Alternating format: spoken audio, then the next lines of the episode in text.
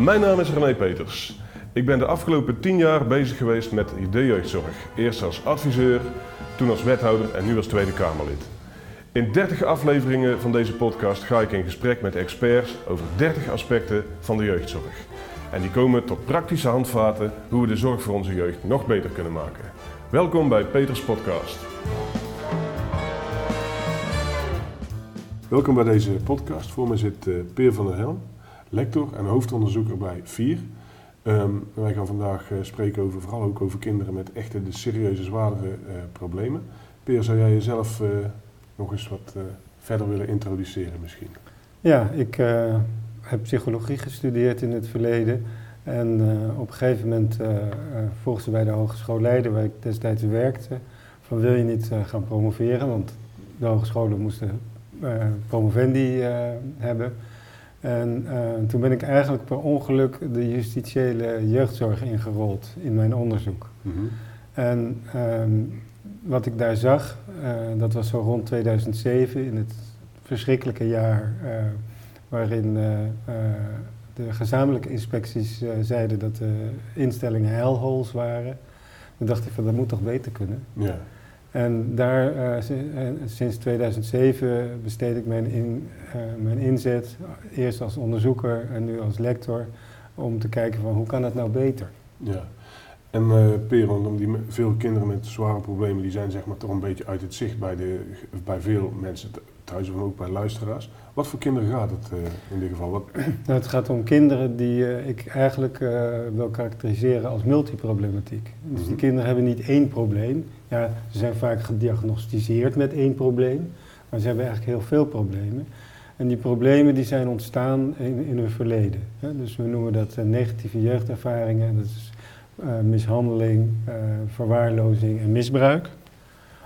en uit de trauma's van hun verleden, daar ontstaan dus dit soort problemen. Die, het zijn multiproblemen, want het, het, stopt niet alleen bij bijvoorbeeld vervelend gedrag of delicten. En het stopt ook niet bij die ene diagnose, bijvoorbeeld borderline. Maar het gaat ook over suïcide, over snijden, over ernstige depressies. En we weten dat ook de jongeren in de justitiële jeugdzorg, dat die lijden daar ook allemaal onder. -hmm. dus dat is vrij recent onderzoek in de Verenigde Staten. En dan zie je dus dat al deze kinderen hebben heel veel problemen. Ja, eigenlijk niet zo'n heel groot verschil tussen de mensen die een del del delinquent uh, zouden zijn dan kinderen met gewoon andere zware problemen. Zo nee, ik zie dus uh, juist hè, dus heel veel delinquent gedrag komt voort uit trauma. Mm -hmm. Het grootste deel van de jongeren die delinquent gedrag hebben, die hebben daar zelf geen nooit voordeel van. Het zijn niet de Radio Tachis en die op miljoenen zitten. Het zijn eigenlijk de losers in onze maatschappij waarvan we eigenlijk ook wel weten dat die hele nare dingen in hun verleden hebben meegemaakt. Bijna allemaal. Oké. Dus de, deze kinderen zijn het. En dan heb je in 2007, het verschrikkelijke jaar 2007, toen, zoals je dat zo mooi benoemt, toen, uh, toen werd blijkbaar uh, gezegd door de gezamenlijke inspecties, zoals we het nu doen, doen we het niet. We noemen het hellholes, zoals jij het zegt. Letterlijk met die termen. Letterlijk met die termen. En hoe deed men dat dan? Nou ja, wat er daar gebeurde met deze kinderen is dat ze dus, zowel jongens als meisjes, uh, dat ze heel vaak uh, uh, werden opgesloten. we gooiden kinderen met delicten en kinderen met ernstige psychiatrische problematiek gooiden we bij elkaar. En we, ze kregen nauwelijks behandeling. En we, als het misging, en het ging vaak mis, dan um, werden ze vaak gefixeerd, hardhandig vastgehouden. En in de separeer-isolatiecellen gegooid, waar ze soms heel lang verbleven. Mm -hmm. en dan moet je bedenken dat, ehm, dat dat heel traumatisch is voor veel kinderen. Ehm, ik ken moeders die bij hun dochters niet meer op bezoek wilden komen, omdat ze na afloop van het bezoek gevisiteerd werden, dus uitgekleed en in alle holtes bekeken. En heel veel van die moeders wilden dat hun dochters hem sparen. Nou, uh, dat is nog voor een deel nog steeds, is dat, uh, in een aantal plekken is dat de uh, gebruik. Maar het is wel, met name bij de justitiële jeugdzorg, is het een stuk verbeterd. En daar hebben we samen met de sector hebben we daar echt eh, jaren aan uh, getrokken. En uh, ik mag, ben wel blij om te zeggen dat dat soort praktijken in de justitiële jeugdzorg bijna niet meer voorkomen. Nee. Maar elders nog wel. Ja, zo. Joh. Ja, dat. Oké, okay, elders nog wel. Nou zijn op dit moment of dat was 2007, nou het werd 2015 en uh, langzaamaan werden dus de gemeentes verantwoordelijk voor, voor de inkoop van jeugdzorg. Nog niet zo voor het justitiële deel, maar wel voor, uh, voor jeugdzorg en ook voor de zorg voor deze ja. allerkwetsbaarste, der kwetsbaarste ja. groep, zullen we maar zeggen. En hoe is dat, want ik, de, hoe is dat nou gegaan vanuit jouw perspectief? Nou ja, in de eerste instantie ehm, is het idee achter de decentralisatie en de transformatie was een goed idee. Mm alleen de manier waarop het is uitgevoerd uh, was niet zo slim. Uh, wat er eigenlijk gebeurde is dat uh, we de decentralisatie te snel ingezet hebben. Mm -hmm. In Denemarken hebben ze er acht jaar over gedaan, hier moest het binnen een jaar. en in de tweede plaats dacht men, dan kan, kunnen gemeenten dat wel met minder geld doen. Mm -hmm. en dus, dus dat was al een verkeerde aanname. Hè, want het is natuurlijk helder dat als je zo'n grote stelselwijziging doorvoert, dat het alleen maar geld kost. Dat weet iedere uh, organisatieadviseur. Um, dus gemeentes kwamen knel te zitten qua geld. En tegelijkertijd zag je ook iets wat we eigenlijk ook al wel wisten, is dat de problemen in de Nederlandse jeugd, die tot de gelukkigste van de hele wereld hoort, maar juist dat, dat kleine groepje wat dat niet is, dat die problemen groter gaan zijn gaan worden. dus de toename aan een zeer ernstige problematiek schat het Trimbos Instituut op ongeveer 11 procent. Dus je krijgt eigenlijk twee bewegingen. Um, een decentralisatie die altijd geld kost. Een um, uh, toename van het aantal problemen. Uh, en uh, uiteindelijk is iedereen op, aan het zoeken en niemand weet het meer. Want Kijk, ik was er in 2015 bij. Hè. Dat klopt, er moest in een razend tempo. Ik zei toen, je hebt tijd, geld, heldere kaders en bewegingsruimte nodig. Nou, tijd hadden we niet. Duidelijke kaders hadden we helemaal niet. Nee, bewegingsruimte steeds minder. En of je geld genoeg had, ja, in het begin leek van wel omdat je een deel van de tekorten met jeugd gewoon op kon vangen met overschot uit de WMO. Ja. En zo was het gewoon. Maar ja, na een tijdje lukte dat natuurlijk ook niet meer. En bleek dat, uh, ja, dat, we daar, uh, dat heel veel gemeentes daar ook hartstikke klem mee lopen uiteraard. En vervolgens hebben die gemeentes in hun pogingen om uh, tijd te keren, hebben ze aan de instellingen, proberen ze de in, instelling, de, de jeugdzorg in te kopen voor steeds minder geld. dus er lopen nu ook rechtszaken die gemeentes aan het verliezen zijn, bijvoorbeeld ook hier in Den Haag omdat de, uh, de instellingen niet, niet, meer kunnen bolwerken met zo weinig geld. Want dat, dat, is, dat is nog een ander ding. We zijn wel, zoals in deze hele serie, wel duidelijk ongelooflijk veel meer kinderen gaan helpen met weinig of heel lichte problemen. Maar we zijn de tekorten proberen op te vangen door te bezuinigen op de duurste groep. Ja. En dat zijn, dat zijn deze kinderen. En we schatten dat... Waarvan er meer zijn gekomen, sorry. Ja, waarvan er meer zijn gekomen. En we schatten dus dat eigenlijk het, het, grootste deel van het, jeugdzorgbudget gaat naar de kinderen die het minste nodig hebben. Ja, nee, precies. Ja, nou ja, en uh, ik hoef uh, niet te vragen wat je daarvan vindt. Geen goed idee. Nee, het is geen goed idee, maar het heeft uh, heel veel gevolgen. En, want die kinderen worden er niet beter van, want hun problemen die stammen uit het verleden. En die gaan niet vanzelf over. Mm -hmm. Sterker nog, het wordt vanzelf erger. Ja. Naarmate ze dus ouder worden. Over de, over de zwaarste groep. Over de zwaarste groep. Hè. Dus, dus die problemen weten we dat die rond de adolescentie, hè, dus als ze in de puberteit komen, dat die problemen alleen nog maar heftiger worden. Mm -hmm. En we zien dan ook hele gezinnen omvallen. Hè, want ouders krijgen ook heel vaak geen steun. En dan, uh, ja, dan zie je eigenlijk dat gemeentes proberen dan via stapsgewijs het verzwaren van de zorg proberen ze dat op te lossen. We mhm. noemen dat stepped care. Ja. Maar dat leidt tot een verzwaring van de problematiek bij het kind en bij het gezin. En duur. En duur. Terwijl we eigenlijk eh, veel beter moeten kijken naar wat is er nou precies gebeurd.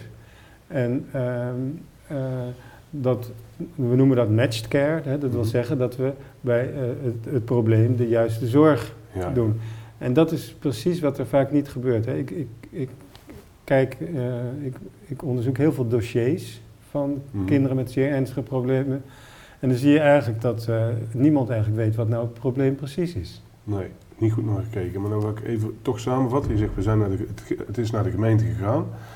De, de relatief kleine groep met hele zware problemen is wel gegroeid. We zijn, eh, eh, we zijn heel veel meer kinderen gaan helpen met lichte problemen. Eigenlijk is het gros van het geld gaat daar naartoe, of een groot deel van het geld Ja. gaat daar naartoe. Voor deze groep eh, wordt niet goed genoeg gezorgd, ze zijn niet goed genoeg in beeld. En wat we wel doen is dan step keer, we proberen het licht. En als het dan niet lukt, dan proberen we nog een keer Ja. licht en nog een keer licht. En na een paar van die faalervaringen hebben we pas echt een groot probleem. En dan eh, moet je je voorstellen dat ik een aantal eh, kinderen eh, volg, al langere tijd. En die kost op dit moment een miljoen euro per kind per jaar. Ja.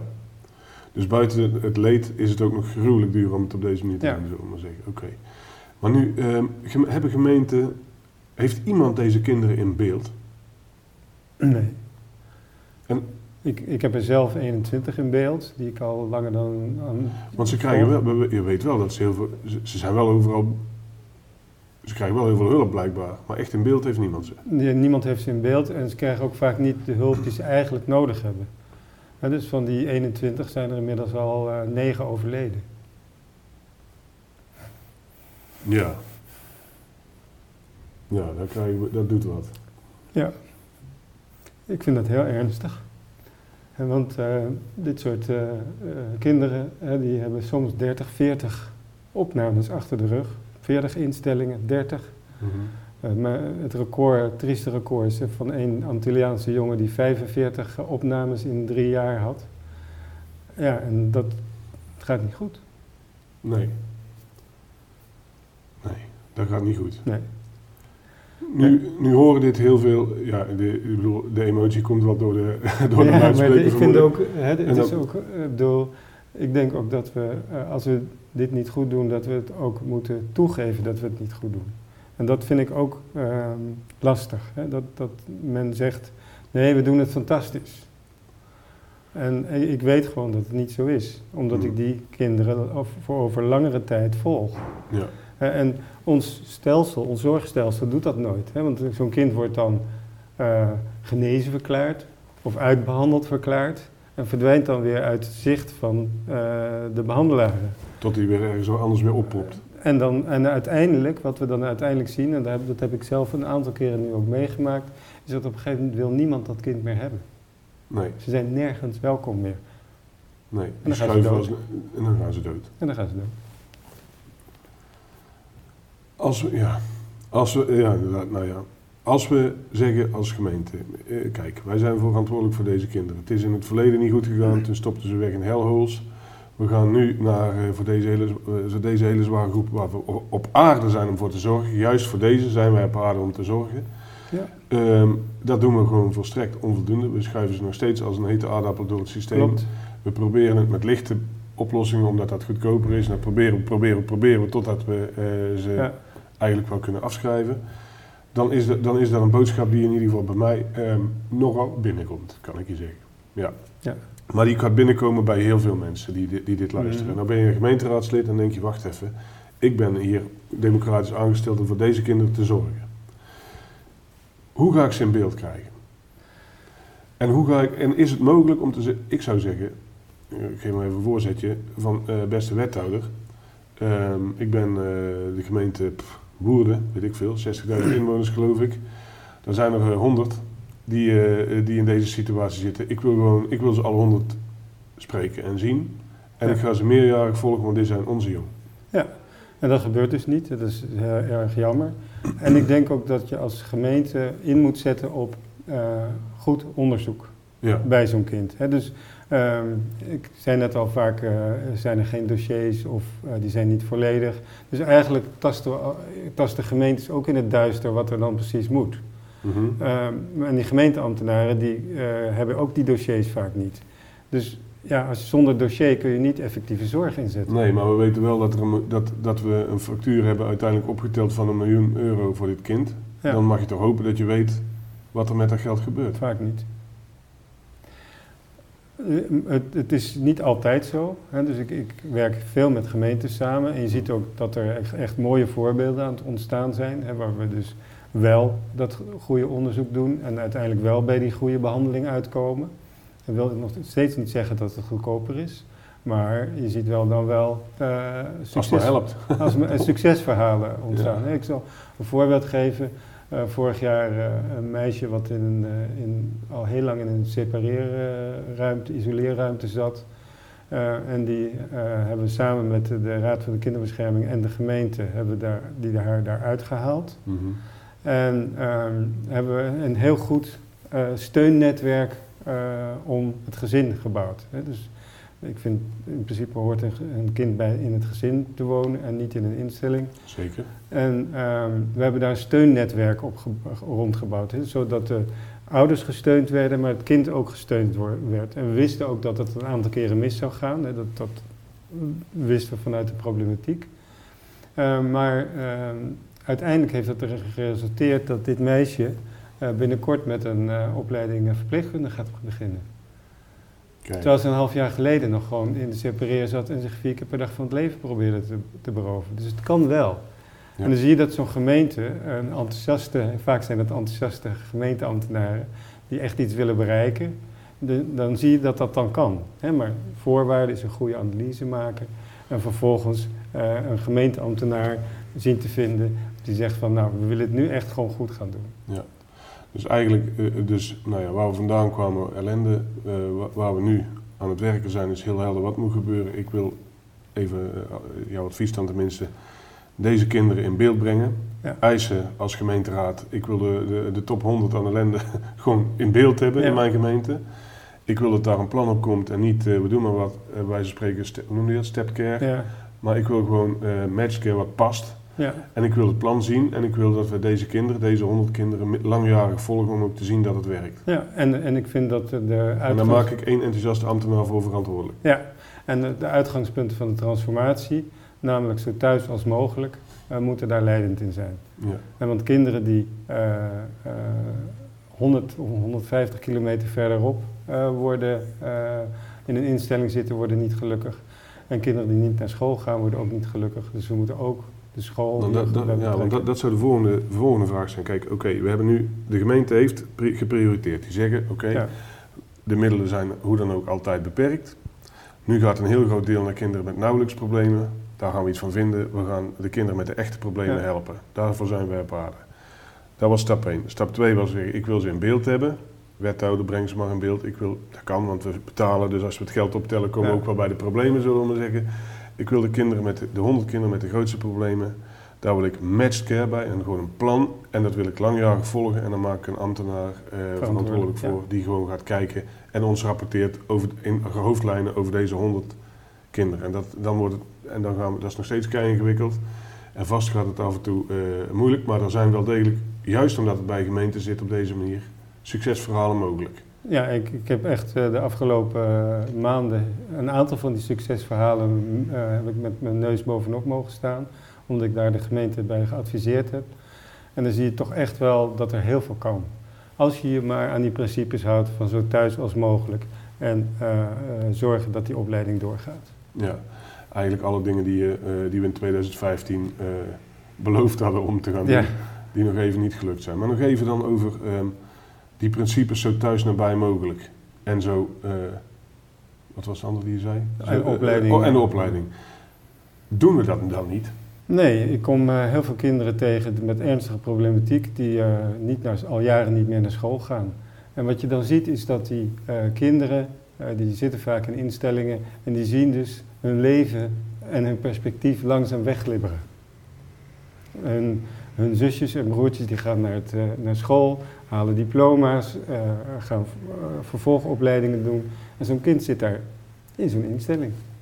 En die, die krijgt niks en die, die bedenkt bij zichzelf, die gaat het niet worden. In heel veel van die instellingen is VMBOK het hoogste wat je kan, kan volgen.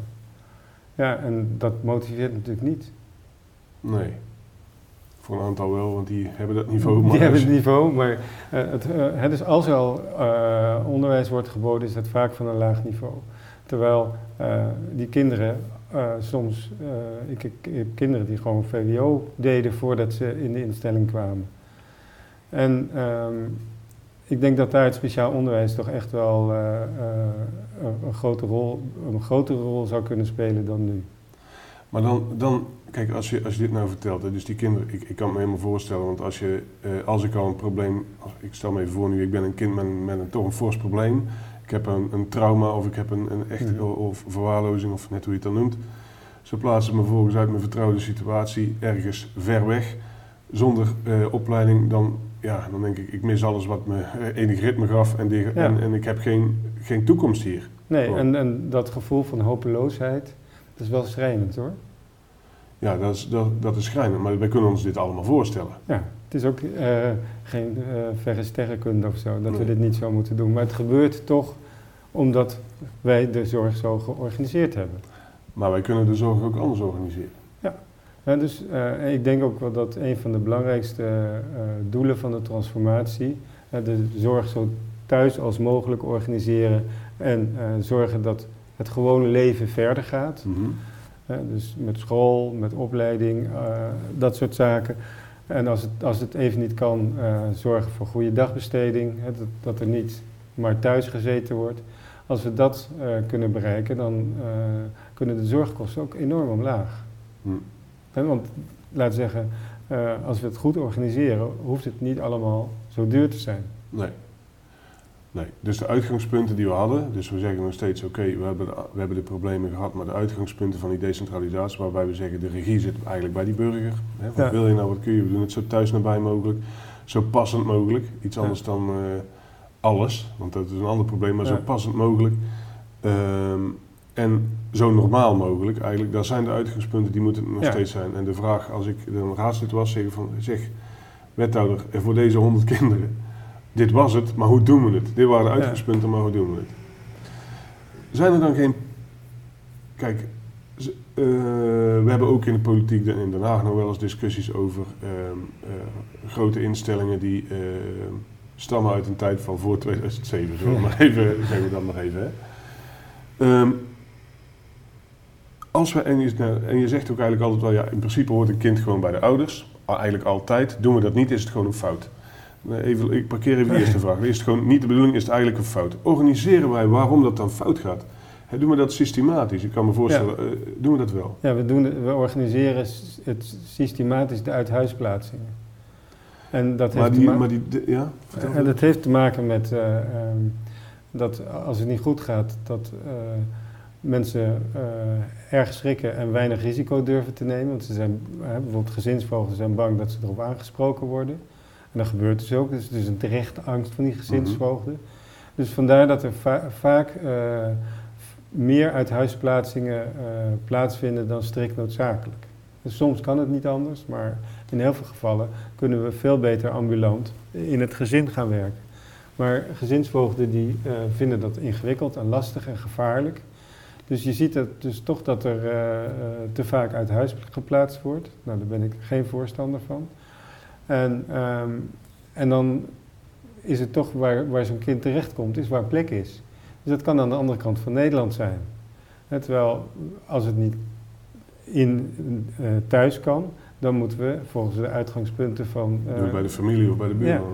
Ja, dus zo thuis als mogelijk. Wat, is, wat kan dan wel zo thuis als mogelijk? Dat in ieder geval het contact met ouders niet uh, verbroken wordt dus daar zijn wel hele eh, positieve ervaringen mee. Dus als het gaat om gezinshuizen, zien we dat de gezinshuizen uh, de afgelopen jaren fors gegroeid zijn. We zitten op bijna duizend nu.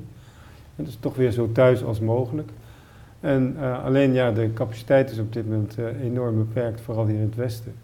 Mm. en um, dat is echt wel jammer, want we weten dat in zo'n gezinshuis dat het klimaat voor die kinderen veel beter is. Ja toch nog, ja, dat, dat, kan ik me helemaal voorstellen. Dus, dus, dus, zo thuis nabij mogelijk. Ik wil eisen als, als gemeenteraadslid nu dat dit in mijn uitgangspunten staat en ik wil zien dat het gebeurt.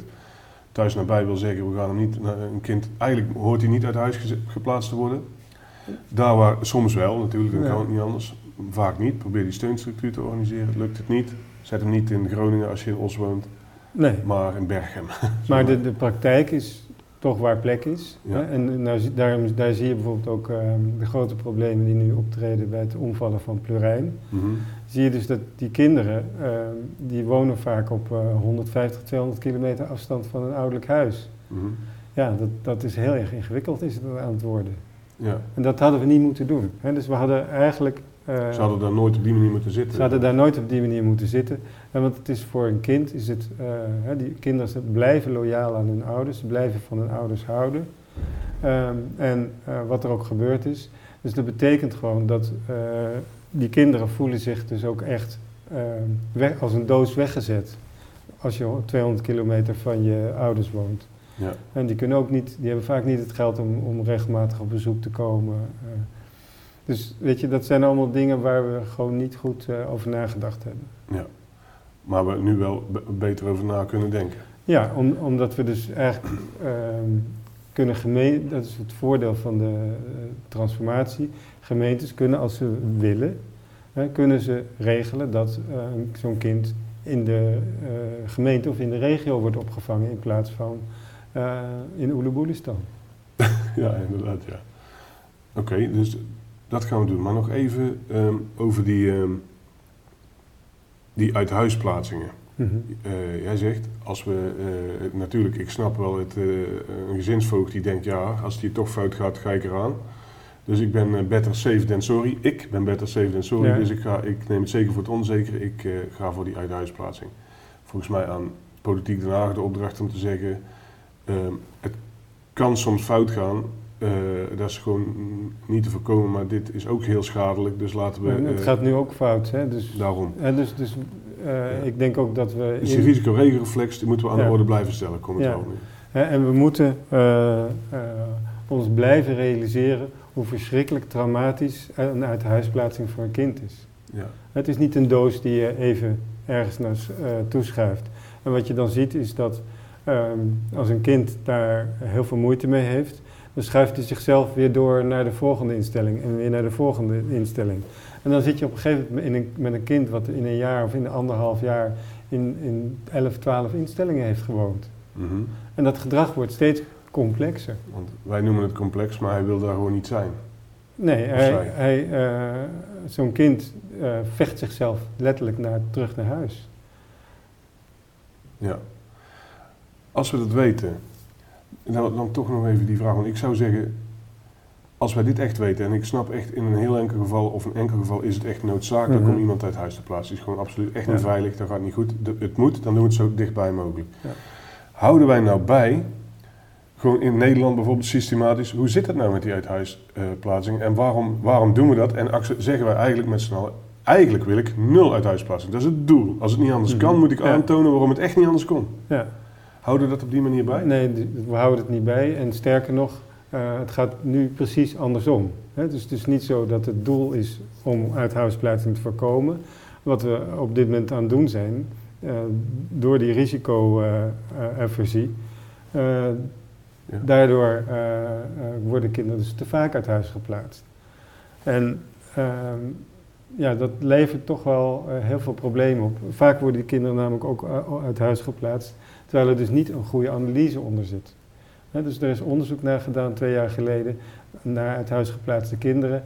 En dan bleek dus dat er eigenlijk maar in, uit, van 32 eh, eh, gevallen, dat er maar in drie gevallen een goede analyse onder zat. Ja, daar word je toch stil van. En eh, dat in, maar in vier gevallen de ouders betrokken waren bij de besluitvorming. En het kind al helemaal niet. Nee. En dan zou eh, in eh eh, Levi van Dam zeggen, en daar zit ik eigenlijk ook al over na te denken, zou het in ieder geval niet goed zijn om, een ex, om, om iemand die wij als gezin vertrouwen erbij te betrekken en ook in de besluitvorming bij te betrekken. Nou, maar dat, dat vinden heel veel eh, mensen uit het systeem vinden dat ingewikkeld. We hebben daar onderzoek bij de Hogeschool Leiden laten doen door een van mijn masterstudenten. En die laat dus ook zien hè, dat hulpverlening het prima vindt als het eh, kind en de ouders mee mogen beslissen over het wc-papier. Maar als het gaat om echt grote beslissingen, zoals bijvoorbeeld uit huisplaatsingen, dan is het toch de, eh, de professional die zegt, dat is mijn ruimte en daar kom, blijven jullie vanaf.